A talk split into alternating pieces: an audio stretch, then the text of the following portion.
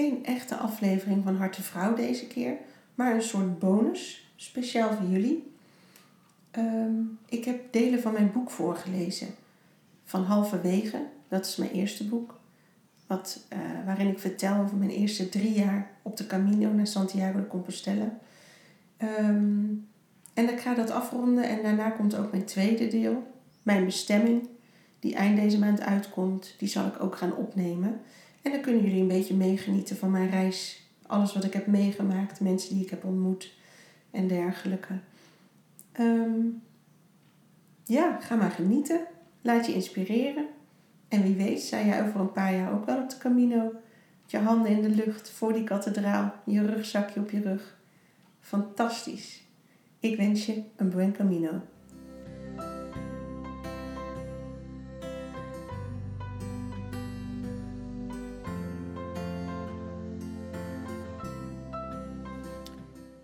Dinsdag 24 juli 2012.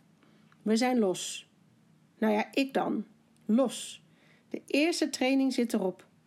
Na een aantal jaar op mijn bucketlist en een prachtig boek erover gelezen te hebben, besluit ik over te gaan tot actie. De Camino, naar Santiago de Compostela. Maar hoe? Zes weken wandelen is in mijn huidige leven geen optie. Mijn kinderen zijn drie en vijf en ik ben er echt nog niet aan toe om ze zo lang niet te zien. Maar waarom dan niet in delen de ervaring aangaan? Doen wat wel kan. Dan kan ik elk jaar een stukje van deze bijzondere tocht ervaren. Dus aan de slag. Informatie zoeken, plannen, voorbereiden en trainen. Het wordt al snel duidelijk: even surfen op Camino is geen plug-and-play opdracht. Via omwegen en buitenlandse websites hark ik langzaam wat informatie bij elkaar. En er begint zich een beeld te vormen. Delen vind ik moeilijk, want ik zie heel veel beren op de weg. En ook anderen zien die beren voor mij. Zelf denk ik vaak toch wel te positief. De gulden middenweg moet zich nog even aan mij presenteren. Maar hoe lekker zal dat zijn? Een weekje met mezelf. Me, myself en I. Geen ontkomen aan al die gedachten en kronkels die zich in onaflatend tempo door mijn hoofd bewegen. Zouden de kilometers ze rustig krijgen? Wordt het lachen? Wordt het janken? Wordt het gezellig? Moet ik daar afzien? Of krijg ik de rust die ik daar zoek? Wie zal het zeggen? Iedereen loopt zijn eigen camino, zeggen ze. Dus ook ik.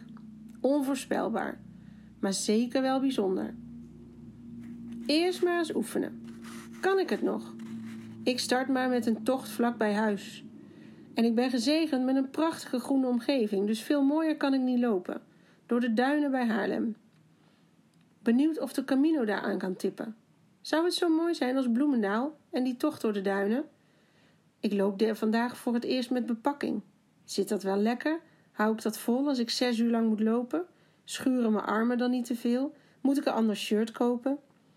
Het eerste half uur hebben zich geloof ik alleen maar meer en meer vragen in mijn hoofd genesteld. Maar daar lopen we toch niet voor? De tocht is mooi. Pittig, dat wel, door de vele klimmetjes door het losse zand. Niet mijn sterkste punt, maar ik loop nog heel licht. Dit relaxte tempo bevalt me goed. Zodra het wat vlakker wordt, merk ik dat ik een tandje bij kan doen zodat ik goed gemutst doorstap. Na anderhalf uur bereik ik een uitkijkpunt. Slokje water, ontbijtkoek en even diep uitademen. Wat is dit gebied toch waanzinnig? Waarom kom ik hier niet vaker? Een gemis. Ik zou de kinderen mee moeten nemen. Die zouden het geweldig vinden hier. Dat speelveldje waar ik net langs kwam, zou je toch een heel leuk kinderfeestje kunnen organiseren. Een zaadje is geplant in mijn gedachten. Een van de vele. Toch weer die gedachte dus. Was dat niet juist waarom ik wilde gaan lopen? Minder gedachten, minder zaadjes. En precies als ik echt even pauze nodig heb, na ruim twee uur lopen, ben ik nog maar tien minuten van een van de duincampings. En laten daar nou net dit weekend lieve vrienden uit Lelystad neergestreken zijn. Ik hou van twee vliegen in één klap, dus ik loop vrolijk de camping op ken deze weg inmiddels uit mijn hoofd, want we hebben al aardig wat gezamenlijke bezoekjes aan het strand gebracht dit jaar. Ik plof in een stoel en binnen één minuut staat er een heerlijk kopje kokende thee voor mijn neus. Echt friends forever. Onderweg terug kom ik, net als de schrijfster van het boek dat mij zo inspireerde, vlinders, slakken en hagedissen tegen. En zelfs een grote Schotse hooglander. Heb nog net niet, zoals de schrijfster, uitgezocht wat die dieren me wil vertellen. En ik geloof niet dat ze allemaal op mijn eerste oefentocht al een boodschap voor me hadden. Behalve dan om me bewust te maken dat ze er zijn, dat ik ze zie. De diepgang heeft me vandaag nog niet bereikt, maar mooi was het wel. En het hoofd toch weer een beetje leger, door de rust en de natuur. Ik ben tevreden. Een mooie tocht van 16 kilometer, bijna 4 uur gelopen, geen blaren. Ik kan me een slechtere start voorstellen. Ben je zelf toe aan meer inspiratie over de Camino? Of wil je gewoon een prachtig biografisch boek lezen? Mijn eigen inspiratie kwam van het boek Ik ga op reis en ik laat achter van Simone Awina. Maar pas op, het werkt echt aanstekelijk. Dus heel veel leesplezier. Woensdag 25 juli 2012. Mag ik erbij? Het klinkt zo makkelijk, mijn plan. Zes dagen lopen, één keer per jaar, zes jaar lang. Dat moet toch lukken? En toch, hoe meer informatie ik zoek, hoe meer vraagtekens er voorbij komen. Het voelt of ik weer een stapje verder ben op mijn pad vandaag. Ik heb inmiddels contact gehad met twee woordvoerders van het genootschap van Sint-Jacob in deze regio. Laten we zeggen dat ze waarschijnlijk wat minder 2.0 zijn ingesteld dan ik, want pas na zes dagen kreeg ik een reactie op mijn mail. Moest ik even aan wennen, maar schuif het nu onder de charme van de Camino. Wie ben ik om deze toch niet compleet te romantiseren? Maar ik ben dus wel wat opgeschoten. Informatief weet ik al meer, en jawel, heel spannend. Ik heb me net ingeschreven als nieuw lid van het genootschap. Dat voelt bijzonder. Ik ben nog nooit bij een club geweest met zo'n belangrijke titel. Er flitsen allerlei vragen door mijn hoofd. Zou dit een nevenfunctie kunnen worden voor op LinkedIn? Hebben wij, leden, een secret handshake? Of varen we blind op de Jacobschelp? Dat lege hoofd van mij lijkt op dit moment nog mijlen ver weg. De vragen daarentegen vliegen me om de oren.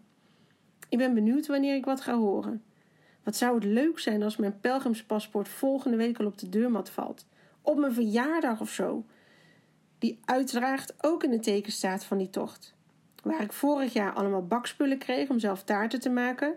Ja, ook die nationale hobby van Nederland, daar doe ik vrolijk aan mee. Staan dit jaar een rugzak, een routekaart, een camelbag, allemaal op mijn verlanglijstje. Hoezo? Ik wispelturig. Maandag was ik op het strand van Bloemendaal, een van mijn favoriete plekjes in Nederland. Altijd al trekken schelpen mijn aandacht, maar die dag heb ik echt gezocht naar mooie Jacobschelpen. En ik heb ze gevonden. Prachtig zijn ze, stuk voor stuk. Geen idee wat ik ermee moet, maar het voelde wel goed om ze bij elkaar te scharrelen op het strand. Inmiddels verspreidt het nieuws van mijn tocht zich langzaamaan en er komen mooie reacties. Ervaringen van kennissen, uh, lieve wensen, positieve vibes, van alles komt mijn kant op. Die tocht staat blijkbaar toch wel heel positief bekend. Dat is munitie waar ik iets mee kan om ons mam en mijn lief gerust te stellen. Als ook anderen beamen dat alleen lopen eigenlijk de enige manier is, dan kan dat toch nooit een slechte keuze zijn? En wat ik dan zoek op die tocht? Tja, als ik een kant-en-klare vraag had, dan had ik waarschijnlijk al antwoord gegeven. Er zijn wel wat kwesties waar ik wat duidelijkheid over zou willen. Ik hoop door die stilte en de omgeving en gesprekken met anderen daar wel wat antwoorden op te krijgen. Maar ik zit er ook wel dubbel in. Het lijkt me heel bijzonder om een week alleen te zijn. Zelfs voordat mijn oudste smeur vijf jaar geleden geboren werd, kan ik me niet heugen dat ik ooit een week alleen ben geweest. En alleen daarom al is het goed, denk ik. Maar die smurven, inmiddels twee stuks, die gooien wel wat roet in het eten wat betreft de voorpret. Hoe ga ik in hemelsnaam een week zonder ze stellen? En zonder mijn lief, die al 18, bijna 19 jaar bij me is. Dat worden wel de grootste uitdagingen wellicht. Maar misschien ga ik ook daar wel de grootste antwoorden in vinden. Ik heb er alle vertrouwen in. Buen camino. Zondag 29 juli 2012. We krijgen beeld. Na ruim 10 dagen googelen, blogs lezen, kaarten zoeken, etc. heb ik vanochtend eindelijk een blog gevonden dat me informatie geeft die ik nodig heb. Dank Martine en André. Ik krijg een beetje beeld van hoe die eerste week van de Camino eruit ziet. Of eruit kan zien. Iedere weg is natuurlijk anders. De weg, de dag, de benen, het weer, de ontmoetingen. Alles heeft invloed op hoe het met je gaat en hoe je loopt. Hoewel het fijn is om te weten wat je te wachten staat, kan je soms maar beter in het ongewisse aan de tocht beginnen. Je gaat alle mitsen en maren inbouwen en die onbevangenheid neemt af als je vooraf al weet wat, je, wat er van je verwacht gaat worden. Druk maak ik me nog niet echt. Ik heb één keer 40 kilometer door de nacht gelopen, waarvan zes uur in stromende regen, dus wat dat betreft reken ik mezelf wel tot de bikkels van het stel. Twee keer 40, drie, twee keer 30, twee keer 25 en heel veel, 15 of 20 kilometers, gingen me allemaal goed af. Maar nog niet eerder heb ik meer dagen achter elkaar gelopen. En je komt er dus achter hoe snel je dingen vergeet. Want in mijn herinnering heb ik die, nou op die 40 kilometer s'nachts na, geen enkele keer spierpijn gehad. Dat heeft mijn hoofd mooi weggestopt. Zou ik het dan toch kunnen? Dingen loslaten en mijn hoofd leeg? Maandag 30 juli 2012. Een wonderlijke wandeling. Net op het moment dat ik dapper aan mijn wandeling wil beginnen, laat het donderwolken hun eerste spetters zien. Even overweeg ik om toch maar binnen te blijven. Maar gelukkig bedenk ik me snel, want die regen zal me ook in Spanje wel eens op het dak vallen. Nog voor ik de straat uit ben, wordt mijn doorzettingsvermogen direct beloond. Een driedubbele regenboog boven de daken. Prachtig! Met een regenjas stap ik vrolijk door na het zien van het mooie verschijnsel. In de regen, dat wel, maar met goede moed. En na een kleine drie kwartier kom ik bij de duinen aan. De vragen in mijn hoofd zijn weer niet van de lucht. Diepgaande vragen? Niet bepaald. Meer in de categorie: wanneer zal ik een goede rugzak gaan kopen? Wat voor cadeau zal ik voor de volgende jaren kopen? En wat voor eten neem ik mee onderweg? Eenmaal in de duinen laat de zon zijn warmte voelen en kunnen regenjas en vliesvest in de tas. Het eerste stuk is inmiddels bekend. Door de regen een stuk minder lopers en fietsers hier. En meer echte stilte. Jawel, zo waar ook in mijn hoofd. Het is deze keer nog mooier, omdat het bos wakker lijkt te worden na die flinke regenbui. Een stukje na de Oosterplas hoor ik voetstappen achter me. Een oudere man met witte korte haren en een donkerblauw tweetbedje op. Ik verdenk hem ervan pelgrim te zijn, maar vragen durf ik niet. Dan spreekt hij me aan over mijn rugzak.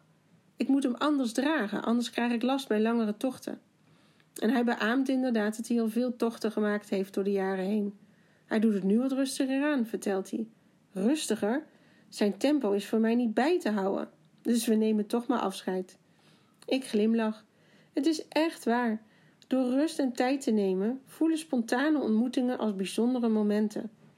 Kan ik me voorstellen dat dat nog veel sterker geldt als ik straks op dat eeuwenoude pad loop in Spanje.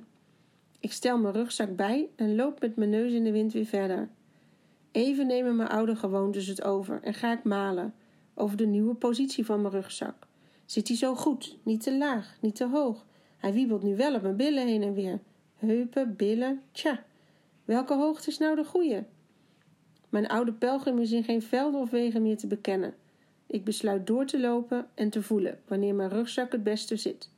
Bovendien, mijn echte wandelrugzak moet ik nog kopen. Note to self: niet vergeten bij die speciaalzaak goed draagadvies te vragen. Vijf kleine konijntjes steken de weg over. Ik blijf stilstaan om te kijken. Wat zijn ze mooi? Klein en zacht en schuchter. En natuurlijk merken ze dat ik er ben, dus ze huppen snel verder, richting holletje of struik. Hè? Wie komt daar nou over het duin? Ha, dat is mijn collega, van wie ik het boek over de Camino heb geleend. Zij wandelt hier weer met de zus. In 2014 gaat zij naar Spanje, maar dan voor de hele tocht. Mooi vooruitzicht. Ik hoop een weekje met haar mee te kunnen lopen dan. Na een lekker koud sapje aan het strand ga ik verder. Dezelfde weg terug of de rest van de route door de duinen. Voel een lichte aarzeling, want met zo weinig wandelaars in het gebied ben je toch een beetje in the middle of nowhere in je eentje. Maar besluit toch de lange route te doen. Al na vijf minuten in het stiltegebied trilt mijn telefoon. Drie berichtjes op de WhatsApp. Haha, zie je wel, ik ben niet alleen. Ik moet wel toegeven, dit stuk is zwaarder dan de eerste helft. Meer en steiler klimmen, maar ik hou me voor dat dit de perfecte oefening is voor die eerste dag in Spanje, want die schijnt toch wel behoorlijk pittig te zijn. Dus zweten? Ja, graag. Ik sta stil boven op het volgende duin. In het pannetje naast me staat een vos hij kijkt me recht in de ogen. Vragend, wat zal ik doen? Ik blijf staan en kijk terug. Niets, hoop ik hem te kunnen zeggen. Ik doe je niets. Hij twijfelt, kan niet verder. Hij kijkt op zijn pad en dan nog eens naar mij en besluit toch verder te gaan en te vertrouwen dat ik geen jachtgeweer tevoorschijn haal. Wauw, wat een beest! Na drie uur in de duinen kom ik weer bij de parkeerplaats van Blekenberg. Ik ben in euforiestemming. Ik heb het gered en in een goede tijd. Ik voel me goed. Geen blaren. Ik heb een grote slok water verdiend. En terwijl ik op het bankje zit, dik tevreden te zijn, schrik ik op. Een gewei steekt ineens uit de bosjes, gevolgd door het prachtige lijf van een groot damhert. Even serieus? Bambi?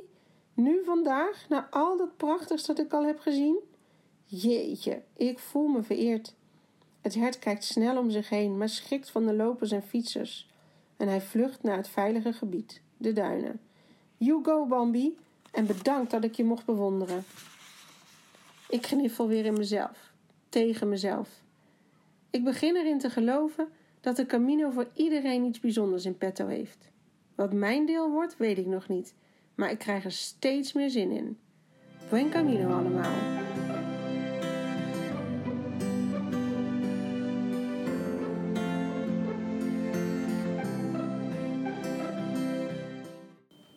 Dat was mijn eerste stuk, mijn eerste avonturen en belevenissen nadat ik besloten had om de Camino te gaan lopen. Ik hoop dat jullie het leuk vonden om mee te luisteren. Volgende keer zal ik verder gaan. En dan gaan we langzaamaan richting mijn eerste afreis naar het zuiden van Frankrijk. Tot de volgende keer!